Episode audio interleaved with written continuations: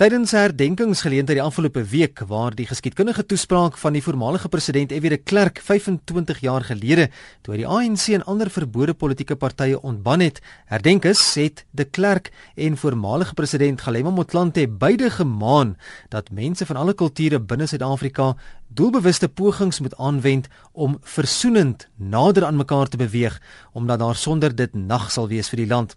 Maar die vraag is, wat is versoening en hoe gebeur dit tussen mense? Nou vanaand gesels ons juis in die program Fix vir die lewe oor hierdie onderwerp versoening, wat dit is en wat dit ook vir jou beteken en hoe jy dit in jou lewe van toepassing ook kan maak.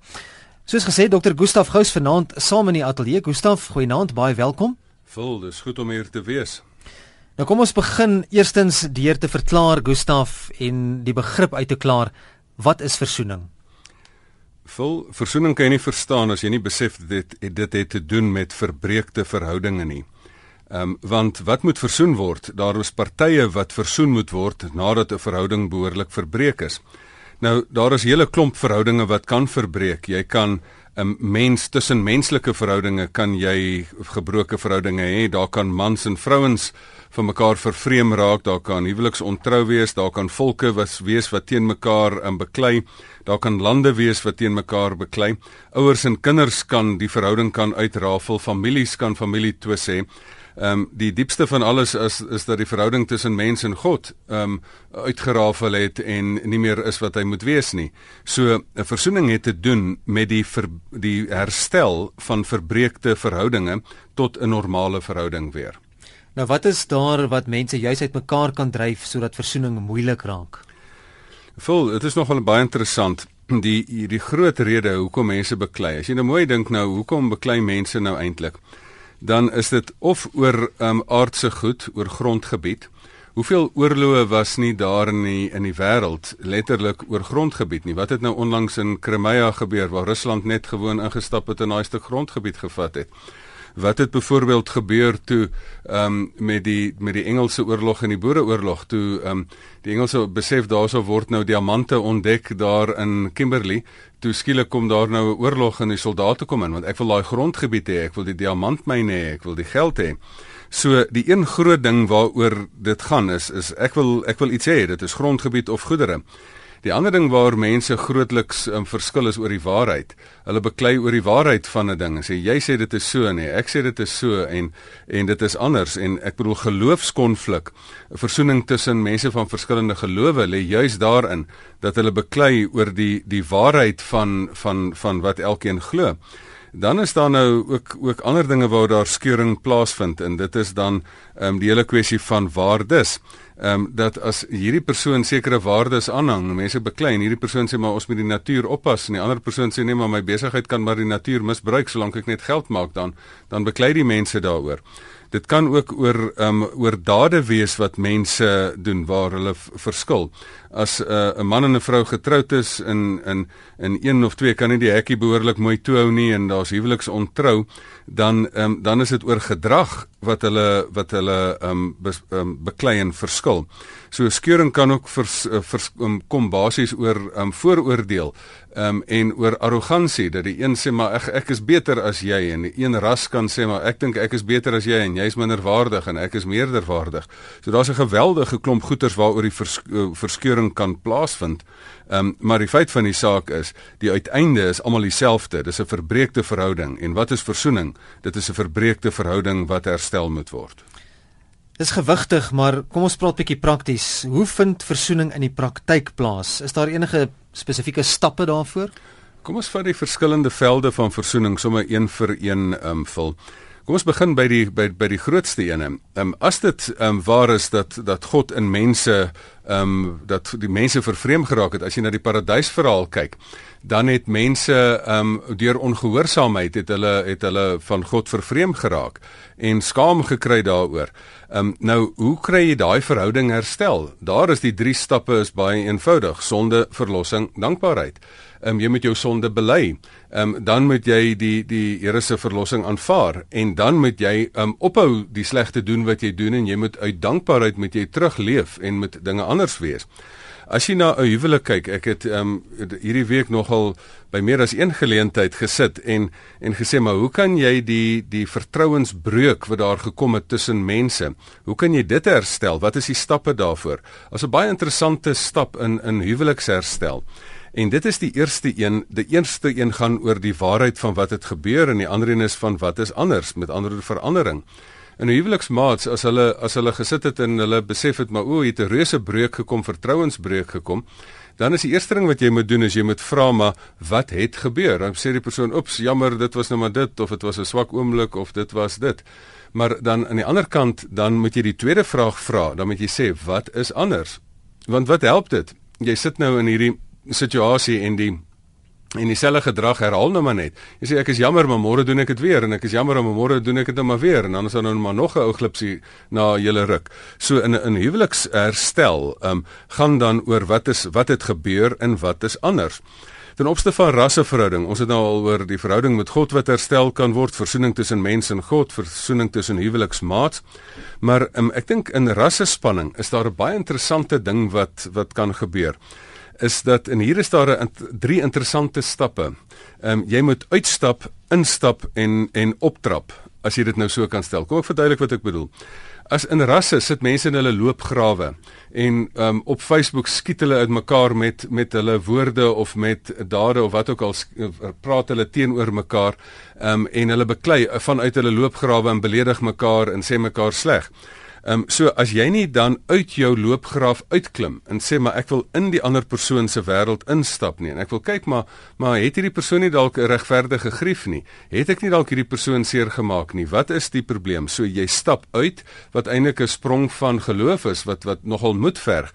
Jy stap in in die spanningsveld in van nou moet ek nou moet ek nie net my eie standpunt raak sien nie, maar ek moet ander mense se standpunt raak sien. Maar baie keer as jy in iemand se wêreld instap, dan sê maar, "Jo, dis hier waar ek nou besef hoe hoe ons regtig verskil. Nou klim ek sommer weer terug in die loopgraaf in. Nee, ek dink jy moet dan optrap. Jy moet dan 'n ruimte skep wat jy sê maar ek het 'n leef en laat leef ruimte.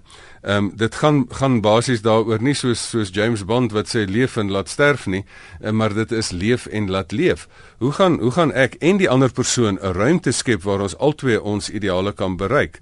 Ehm um, so in in die rasse wêreld, in die politieke wêreld is dit dan ook die hele kwessie van van vergifnis wat relevant is. So is nou 'n lang antwoord op 'n kort vraag. Ehm um, verhouding met God, hoe herstel dit huwelike, hoe herstel dit rasse? Maar op politieke gebied moet daar moet daar versoening wees, daar moet vergifnis wees, daar moet ehm um, die waarheid moet uitkom en op grond van die waarheid wat uitkom met mense sê maar dan gaan ons dit nie onder die mat invee nie maar ons gaan dit gaan dit vergewe kry en dan aangaan. Ehm um, en dan moet daar ook herstel kom. Die wonde moet genees word. Die die ehm um, regverdigheid er, moet herstel word. Daar moet restituisie plaasvind en en en en dan moet die sielkundige wonde ook genees word. Dit is hoe verzoening plaasvind. Ek sien Hein sê van Pretoria, wanneer ons by die punt uitkom dat ons vir mekaar sê ons het mekaar nodig, dan vind verzoening en 'n ander klomp goed ook plaas. Dit is baie waar wat Hein sê, want mense leef in hierdie hierdie eintlike wanpersepsie dat um, ek gaan net oorleef as ek die ander ou uithaal. Ek gaan net oorleef as ek oorlog maak teen 'n ander persoon.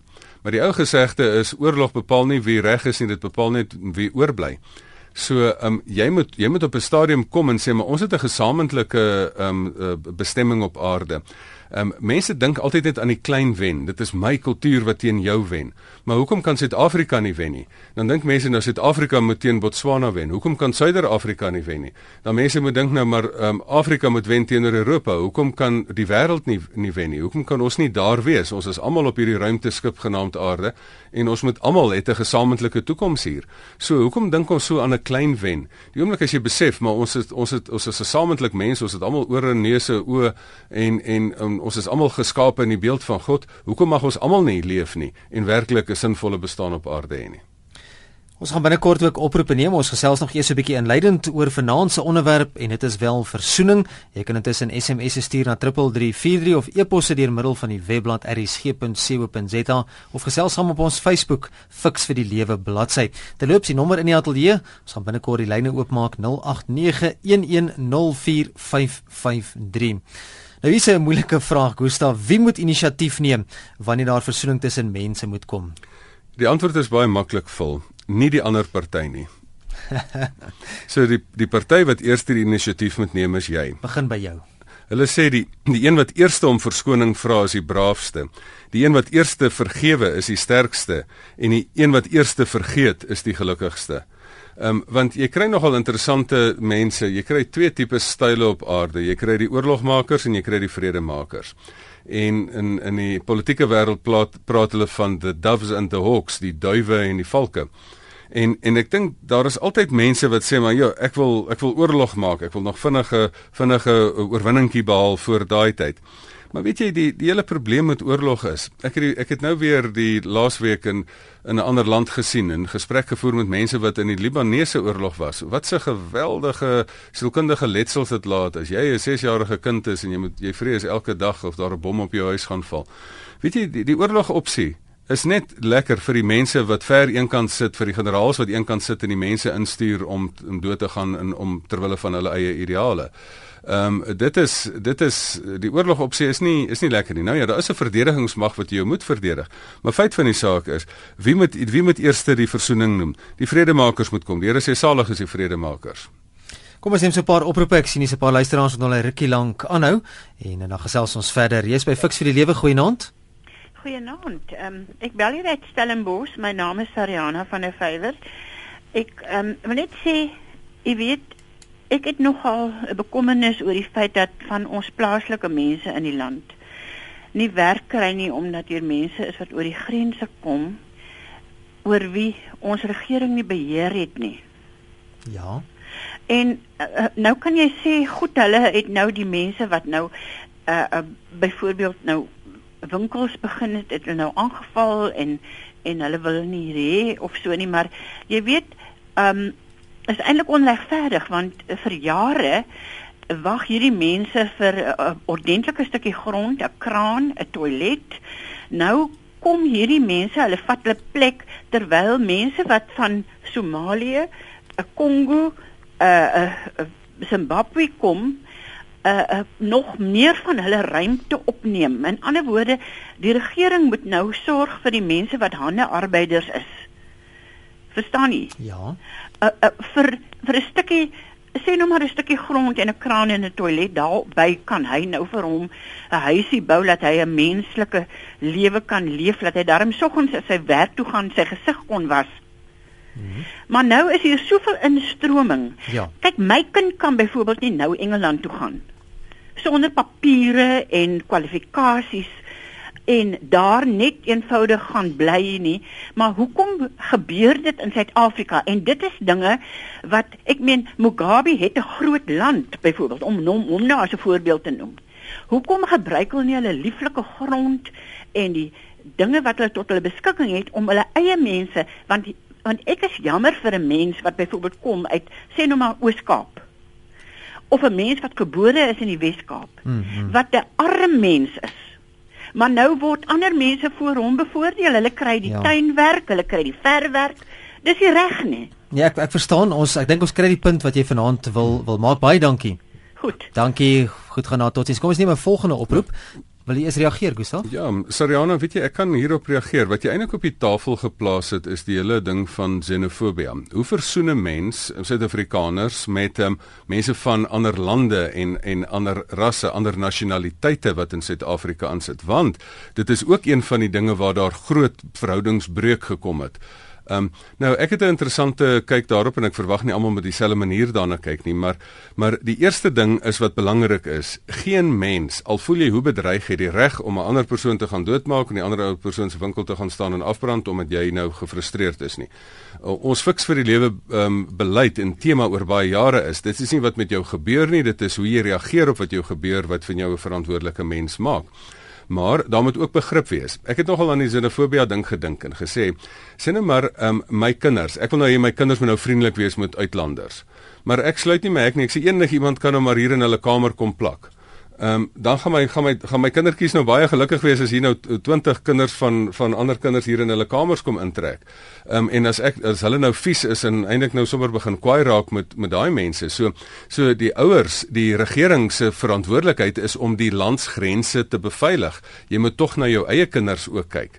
Ehm um, so en daar is 'n dit is 'n ingewikkelde saak daai. Jy kan nie nou net gaan staan en vir die mense sê sis julle slegte mense, hoe kan julle nou hierdie uitlanders so sleg behandel nie? As jy toelaat dat almal hier in jou in jou eie kamer kom staan en um, in bly nie en afpak nie.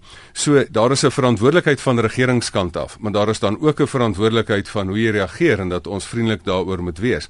Maar as daar nou um rasse kultuur, ek wil hele Tweede Wêreldoorlog was daaroor dat daar um Duitsers was waar daar Joodse mense die ekonomie kom oorneem het en en um en, en daardie hele oorlog het daaroor gegaan. Nou, hoe gaan jy nou rasse versoening bring tussen Duits en Joods?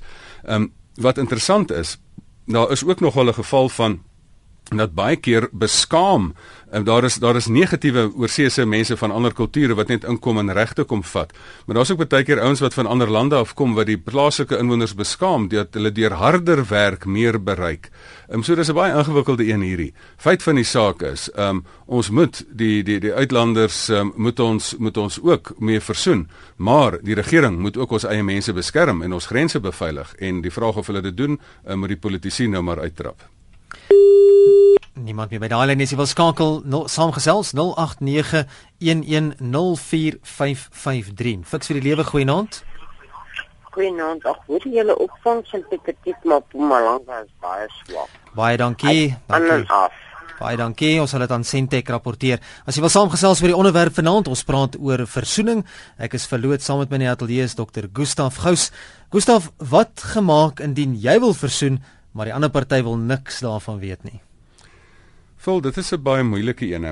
Maar ehm um, mens moet maar op 'n punt kom dat jy sê maar 'n hoop is daai ding wat ehm um, al al ehm um, is daar nie hoop op die oomblik nie, dan kan jy nog maar aanhou hoop en jy kan aanhou appel rig op iemand anders om om dit wel te doen.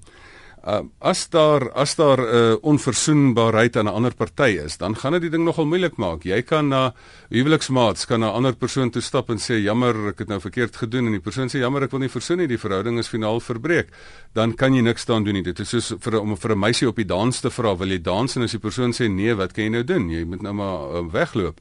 So ehm um, so maar aan die ander kant moet 'n mens aanhou om die appel te rig op mense. Die ou filosoof Albert Camus het gesê 'n hart wat nie kan buig nie, sal nie breek nie.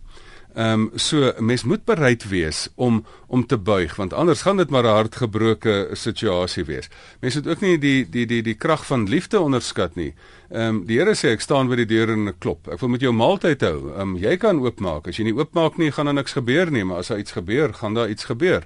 So ehm um, so op die einde moet jy nie moed verloor nie. Dit is ehm um, maar dit is baie moeilik. Dit vat twee om te tango of te dans en ehm um, en as een nie wil nie, dan kan jy nie baie veel daaraan doen nie. Sien of twee van die SMS'e wat deurgekom het. Hierso is 'n luisteraar ook uh, wat vir ons sê in in oorlog en in egskeidings is daar geen wenners nie. Dis Ralph Kennedy van die panel wat sê in 'n oorlog of egskeiding is daar geen wenners. As jy 'n bietjie gaan kyk op die Facebook bladsy, daarso is uh, Wilma Du Plessis wat sê vergewe jouself en dan kan jy genees en uh, by vergifnis ook uitkom en dit lei tot verzoening. Ja, ek dink die hele die hele wêreld van vergifnis mense besef nie dat as daar 'n gebreekte verhouding was, was daar um, was daar 'n rede daarvoor. En dit is um, baie min gevalle wat die rede daarvoor was dat dit net een party is um, wat nou die die die groot um uh, uh, lelike persoon is wat lelik gemaak het in hierdie proses. Maar daar kan ook 'n oorwig van lelik wees wat een persoon gemaak het en daardie persoon moet dan sê moet bely en moet sê jammer ek het 'n fout gemaak. Um hier was 'n groot fout. Die ander persoon moet bereid wees om te vergewe. As daai proses nie begin nie, dan gaan niks gebeur nie. So dit is baie interessant hier in wat het, wat het in Suid-Afrika gebeur? Hoekom is Suid-Afrika uniek? Hoekom het Nelson Mandela soveel eer gekry met sy begrafnis? Ehm um, daar was mense wat gekom het en gesê het, ehm um, ons het hierdie bedeling gehad en ons het eintlik maar 'n bietjie met 'n rassistiese in, intensie het ons hierdie hierdie politieke bedeling ehm um, daar gestel en jammer, ons het verkeerd gemaak by die Rustenburg Kerkeberaad is daar verskoning gevra. Dit het die ding oopgemaak en skielik toe daar 'n uh, hartsverandering gekom het. Ehm um, toe kon dinge gebeur. Toe kon 'n ander party sê, want ander partye kon gesê het, man, weet jy, ek gaan na die politieke mag kry. Ek gaan jou nou terugkry. Ek gaan jou nou regtig looi want want jy het my gelooi en nou gaan ek jou looi. En dit was die uniekheid van Nelson Mandela. Dit is waar hy Jesus uh, wat alle reg gehad het om ons van die aarde te verdelg vir al die verkeerd wat ons gedoen het, het hy gesê, maar maar um, ek gaan ek gaan julle in liefde hanteer, uh, met vergifnis hanteer en daarom is dit sonde verlossing en dankbaarheid. So ek dink ons sit hier so met 'n met 'n proses wat as jy as jy begin om um, dit begin met vergifnis, dit begin met belydenis en dan vergifnis en dan skep dit 'n nuwe toekoms vir almal. Suid-Afrika moet ons onthou was op een van die top warm lyste van die lande wat wat in groot konflik kon ontaard. En daar in die Balkanstate, Servië en en Kroasie en dis meer het die ding heeltemal ontplof. Um, ons moet net dankbaar wees dat Suid-Afrika nie in 'n oorlogssituasie ingegaan het nie. Want in daai situasie is daar vers, is dit verskriklik moeilik, nog moeiliker om na die tyd te versoen as mense mekaar begin verskriklik doodmaak het en in 'n reuse oorlog in verval het. Dis ook 'n luisteraar wat sê vol versoening en dan so nakies erkenning, vergifnis ensovoorts gebeur wel, maar hoe vergeet mens van wat gebeur het? Ek dink gaan ehm um, lees uh, Psalm 103 vers 12. Daar staan sover soos die ooste verwyder is van die weste, sover uh, verwyder ek julle sonde van julle af. Ek dink die hele ding van vergeet. Weet jy, hier is 'n baie interessante ding wat ek nou. Kom ons verwys nou weer na huwelike. Ehm um, ek het baie keer gesien, dan maak een huweliks in die spreekkamer, dan maak 'n huweliksmaat nou 'n groot fout of 'n of ander vertrouensbreekers. Dan bely die persoon dan sê die persoon, "Oké, okay, nou, ehm um, wat het gebeur? Dit het gebeur. Wat is anders? Nee, ek het tot groot inkeer gekom. Ek het nuwe waardes, die Here het vir my nuwe lig gegee. Dinge is regtig nou anders." En dan wil die ander persoon nie vergeet nie. Hmm en dan as daai selfoon dan piep of die die WhatsApp uh, piep dan sê hm, wie's dit en dan leef daai persoon vir 'n jaar of 2 jaar in net in hierdie wantroue en sê ek kan nie vergeet wat jy gedoen het nie. Ehm um, jy gaan dit ek gaan dit voor jou kop hou en dan verbreek die persoon waarteen gesondig is eintlik die huwelik omdat hulle nie kan vergeet nie. Ek sê altyd vertroue word herstel dat jy nadat jy die persoon vergewe het vergewe jy 100% en jy haal dit uit jou gedagtes uit want jy hoef nie dit saam te sleep nie.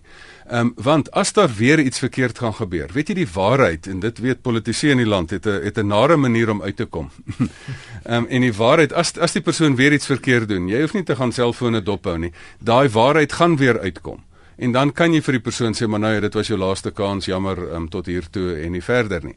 Ehm um, so maar dat jy dit uit jou gedagtes moet uit vergifnis is eintlik die ons het dit in 'n vorige program al gesê, is die aggressiefste ding wat jy teen iemand doen, want jy haal iemand uit jou se, se sonde uit jou gedagtes uit.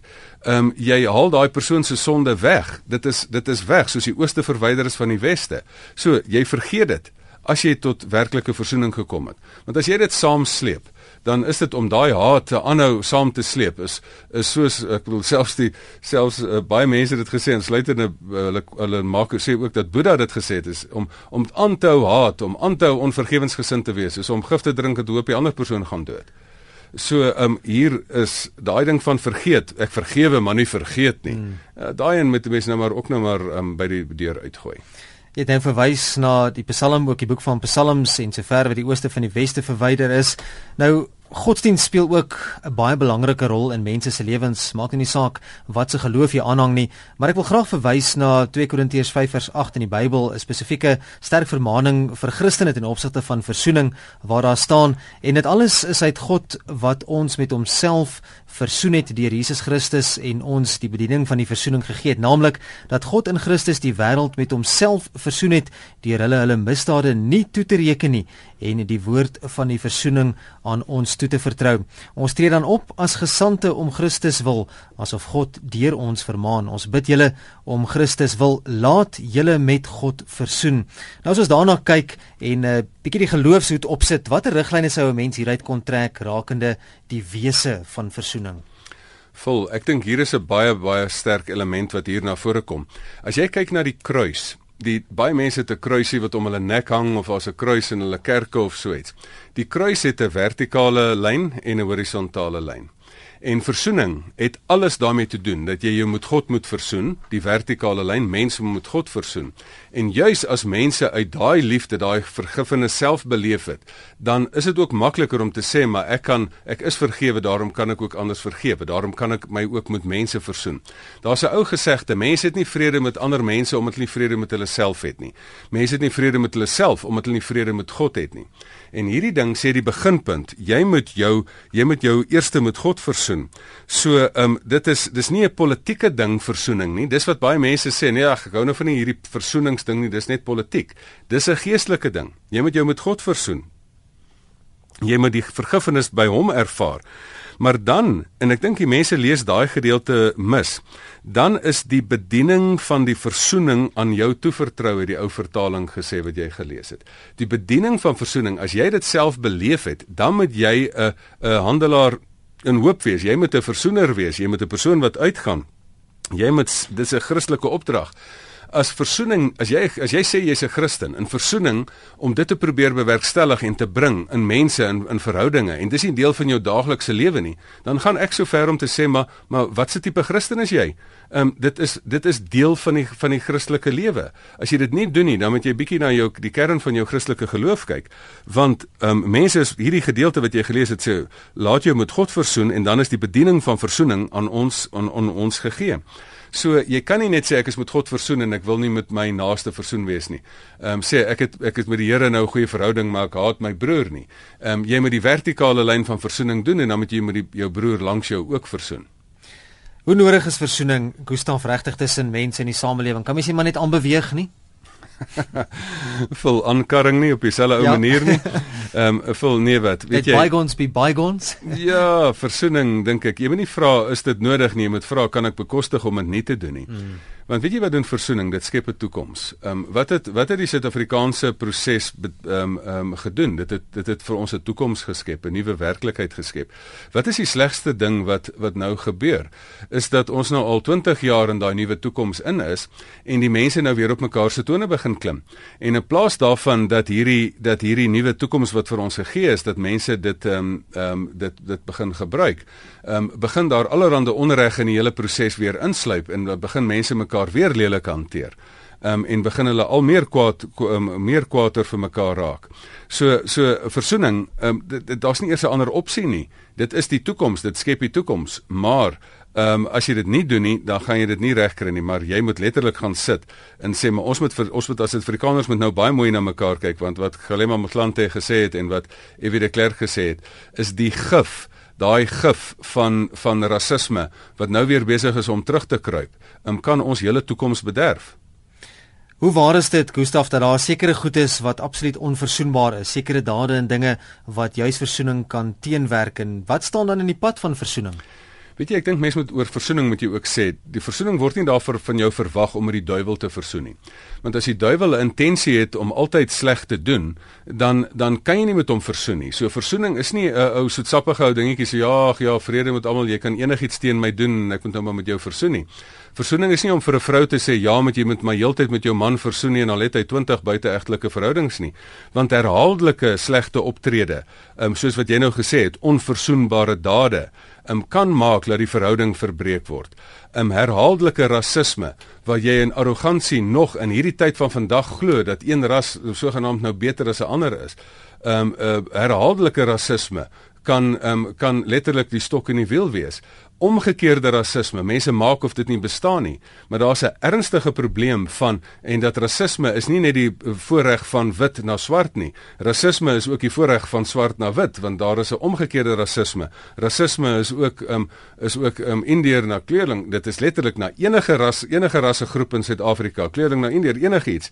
So ek dink hierdie hele proses is daar is daar is as jy as jy volhou in hierdie hele proses van van aanhou met jou dade ehm um, dan dan kan dit in die pad van versoening staan. As jy in die politiek is en jy het nie 'n uh, leierskap in die politiek wat sê maar ek wil vir alle mense 'n ruimte skep in Suid-Afrika nie, maar ek wil eintlik die ander stelselmatig die ander party vernietig of ek wil in haat maar die ander persoon terugkry um, dan maak dit versoening net eenvoudig nie moontlik nie. So versoening het 100% met dade te doen om of jy dan daarin voortgaan of nie. As jy in die ou sonde voortbly, dan gaan dit versoening net eenvoudig nie moontlik maak nie. Kom ons neem maar oproep by 0891104553.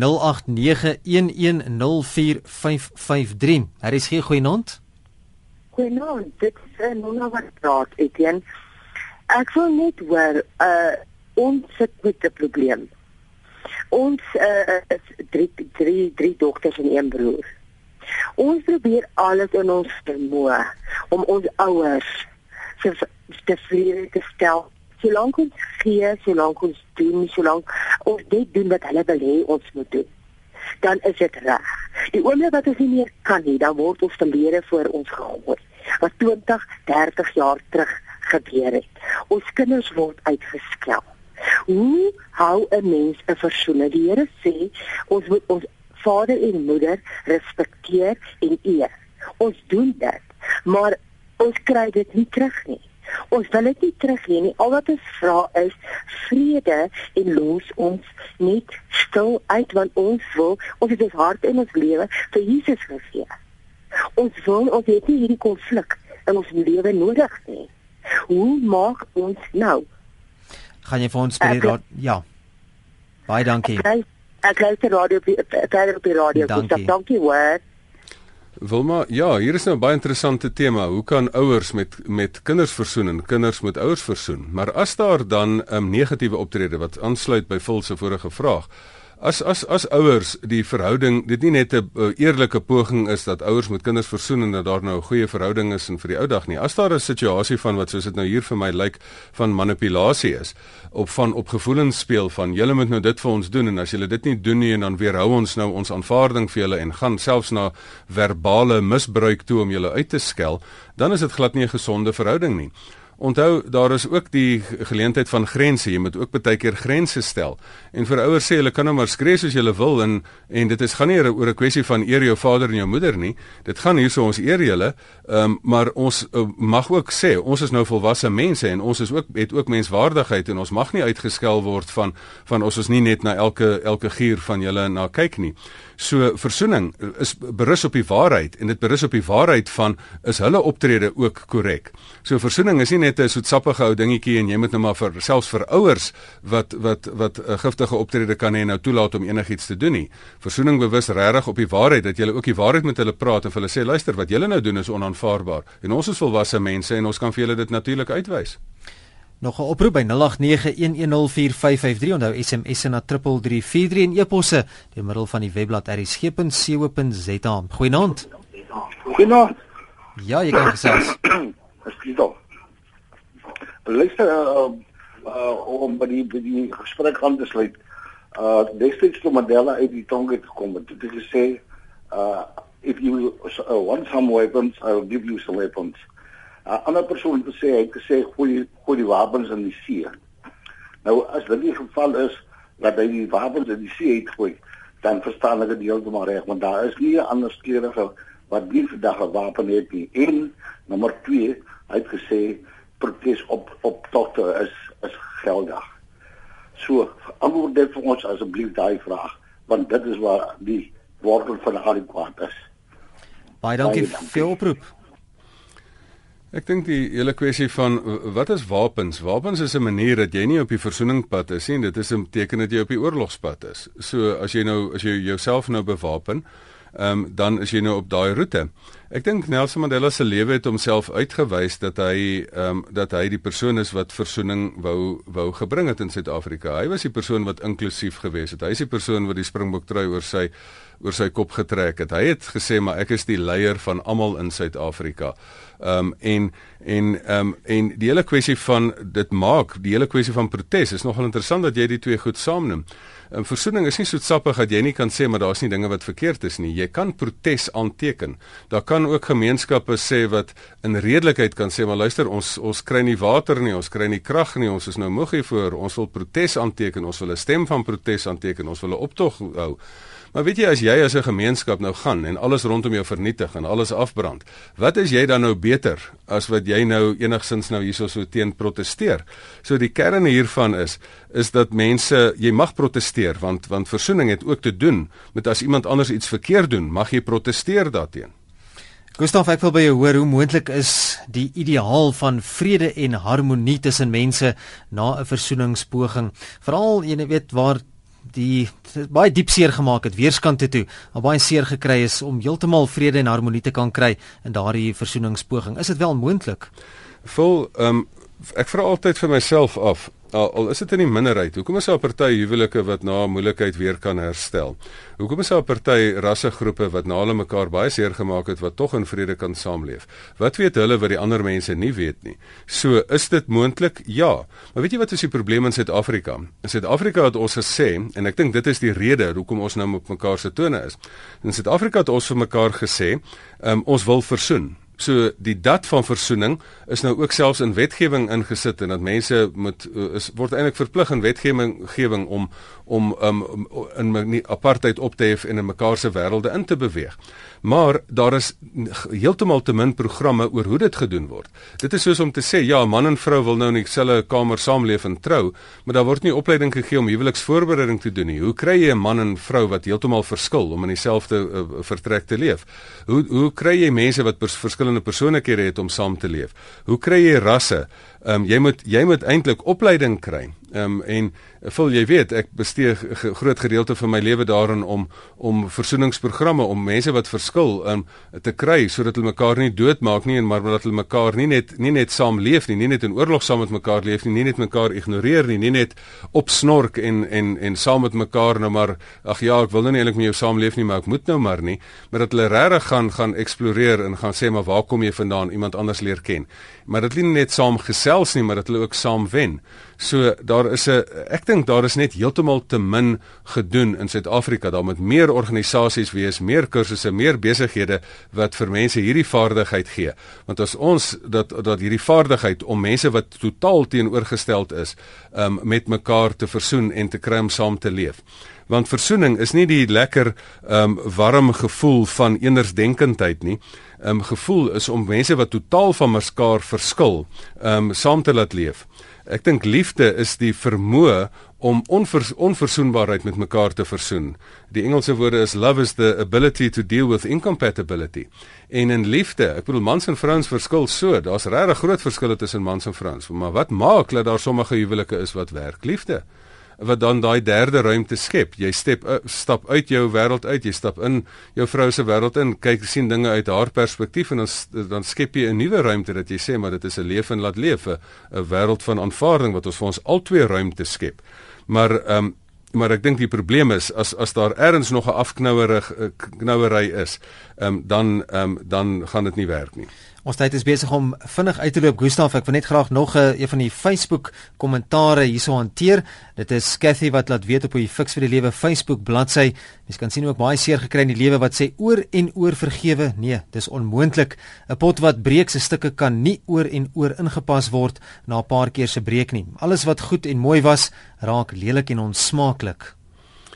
Kathy, ek dink daar wil ek jou net weer verwys wat ek vroeër gesê het. As daar um 'n uh, huwelik seermaak was, dan moet 'n mens jouself, jy moet jy ook grense stel. As 'n persoon jou seer gemaak het, moet jy sê maar ek gaan nie toelaat dat ek so verniel word nie.